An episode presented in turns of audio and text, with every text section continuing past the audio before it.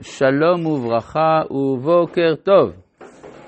שואל אוראל, שלום הרב. הרב הזכיר שזה שעשו מת על פתח מערת המכפלה, מקיים את דברי רבקה למה אשקל שניכם יום אחד. לכאורה זה לא מסתדר עם פשט הכתובים, שהיו לפחות שבעים יום במצרים, ולפחות עוד שבעה בגורן האטד, מלבד מה שלקחה הדרך, אם כן הם לא מתו ביום אחד, וזה לא מקיים את נבואת רבקה. טוב, ברור, הדברים האלה זה שאלה על הגמרא. איך הגמרא אומרת שעל זה אמרה רבקה, למה אשקל שניכם יום אחד. אבל הכוונה כנראה של הגמרא היא שעד הקבורה זה עוד לא, אה, היא עוד לא אה, שקולה. הרי בכל מקרה היא, מתה גם לפני כן, כלומר היא מתה עוד לפני יעקב, אז היא לא שקלה אותם. אה, אז כך שהכל על דרך הדרוש והעברה בכאילו בערך כזה. טוב, ובכן, אנחנו ממשיכים בפרשת חיי שרה, פרק כ"ד.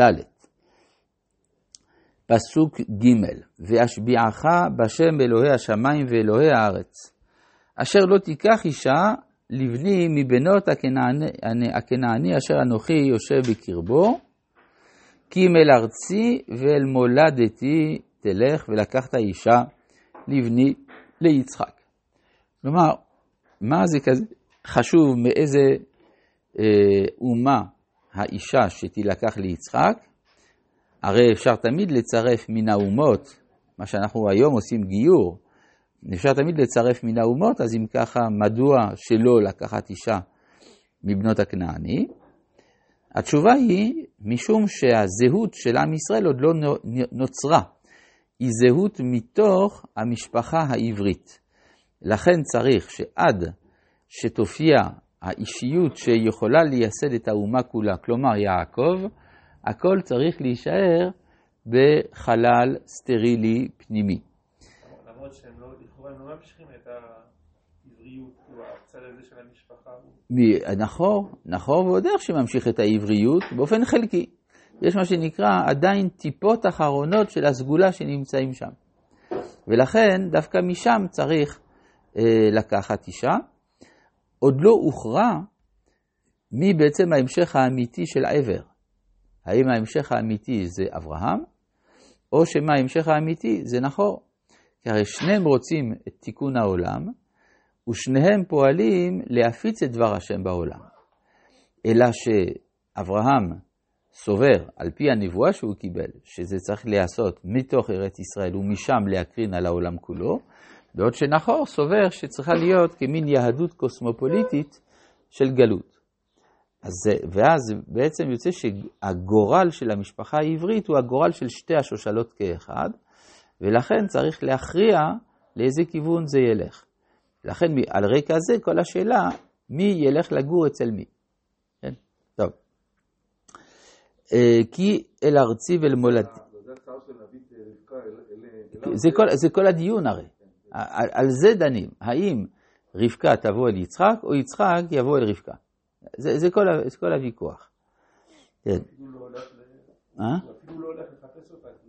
טוב, יצחק לא יוצא מארץ ישראל, וגם האופי של יצחק הוא אופי של פסיביות. בתור מי שהוא נאמן למידת הדין, כלומר שהוא מקבל את הדברים כמות שהם. אה, ויאמר אליו העבד אולי לא תובע אישה ללכת אחריי אל הארץ הזאת, ישב אשיב את בנך אל הארץ אשר יצאת משם. כלומר אנחנו רואים מההדגשה של התורה שזאת כל השאלה, לאיזה כיוון זה ילך. אם אנחנו עושים חשבון, קצת דיברנו על זה, אברהם ונחור נושאים כל אחד אישה, ולפי חז"ל הם אחיות, יסקה ומילכה. והם הפליטות של השואה. זאת אומרת, אחרי שהרן נשרף בכבשן האש, אז יש פליטי השואה, שתי בנות. ואז כל אחד לא, לא, מאמץ את אחת מן הנשים האלה אל הכיוון שלו. אז כך שבדור הראשון, אפשר לומר, יש פה תיקו. תיקו בין אברהם לנחור. כל אחד לקח חצי. אחר כך, בדור הבא, יצחק לוקח את רבקה, שהיא צאצאת אה, נחור, אליו.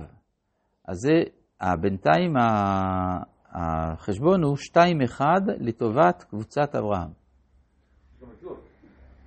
לוט זה מי שלא יודעים מה יהיה איתו, זה בדיוק העניין, הוא המסופק, הוא לוטה בערפל, הוא לוט. לוט בגמטריה אדם, אבל זה אדם עם לוט, עם כיסוי. לוט זה בארמית קללה, אז ספק קללה, ספק ברכה, ונברחו בך כל נשורות האדמה, שתי בריחות טובות יש לי להבריך בך, והם רות המואביה ונעמה המונית. אם כן, הגורל של לוט הוא גבולי, הוא על הגבול בין ישראל לעמים. אבל לגבי אה, אה, אברהם ונחור, בינתיים אנחנו בדורו של, אברה, בדורו של יצחק במצב של 2-1 לטובת אברהם. אחר כך, כשליצחק נולדים בנים, ואז יעקב, שהוא אמור להיות ההמשך, צריך לישא אישה, הוא בורח אל בית לבן. הוא בורח אל בית לבן כי אחיו רוצה להרוג אותו. ואז אומר לו לבן, יש לך, יש לכם הישראלים מזל שיש קהילות לקלוט אתכם כשיש בעיות בארץ. ואז אתה תישא את בנותיי, רק אל תיקח אותה, את הילדים שלי לצבא. ואז יוצא שיש עכשיו שלוש, שתיים, לטובת לבן. כש... מה?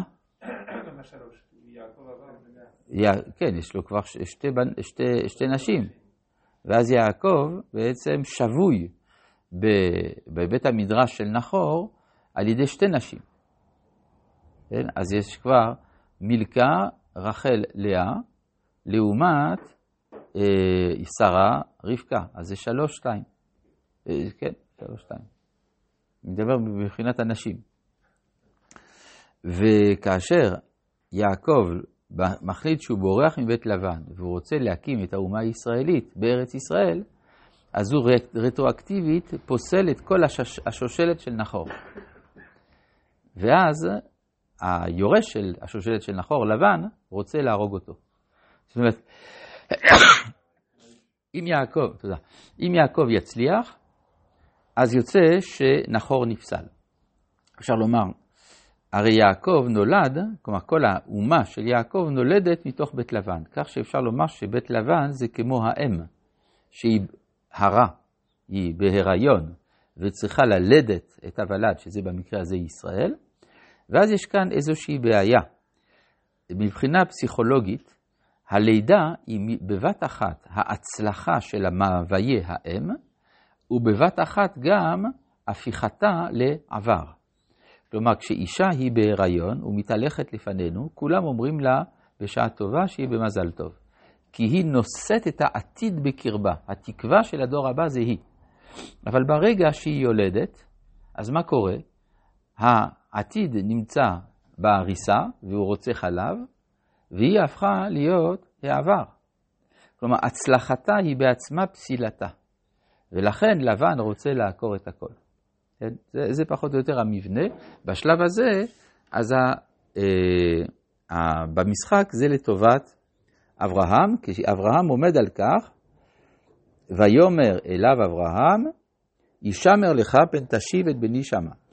השם, אלוהי השמיים, אשר לקחני מבית אבי, ומארץ מולדתי. למה הוא קורא לו אלוהי השמיים, ולא אלוהי השמיים ואלוהי הארץ כמו שדיבר מקודם? משום, כך מסביר הרמב"ן, שהקדוש ברוך הוא אלוהי ארץ ישראל. כשאומרים הארץ, הכוונה לארץ ישראל. או נגיד את זה יותר פשוט, בחוץ לארץ, דעת האלוהות עוברת דרך השמימיות. ככל שאתה יותר רוחני, אתה יותר קרוב לאלוהים. ולכן השם הוא אלוהי השמיים ולא אלוהי הארץ. ואילו בארץ ישראל זה מתהפך. השם הוא אלוהי השמיים ואלוהי הארץ דווקא, ובפרט אלוהי הארץ. זה מתחבר לדברי הגאון מווילנה, בפירושו לשיר השירים, ששם הוא אומר שהשורש של נשמות הגויים זה השמיים, ואילו השורש של נשמות ישראל, הארץ. זאת אומרת, הארץ, היכולת לגלות את האלוהות בכל, אז זה כולל כמובן את הארץ, זה מה שנקרא המונותאיזם המוחלט.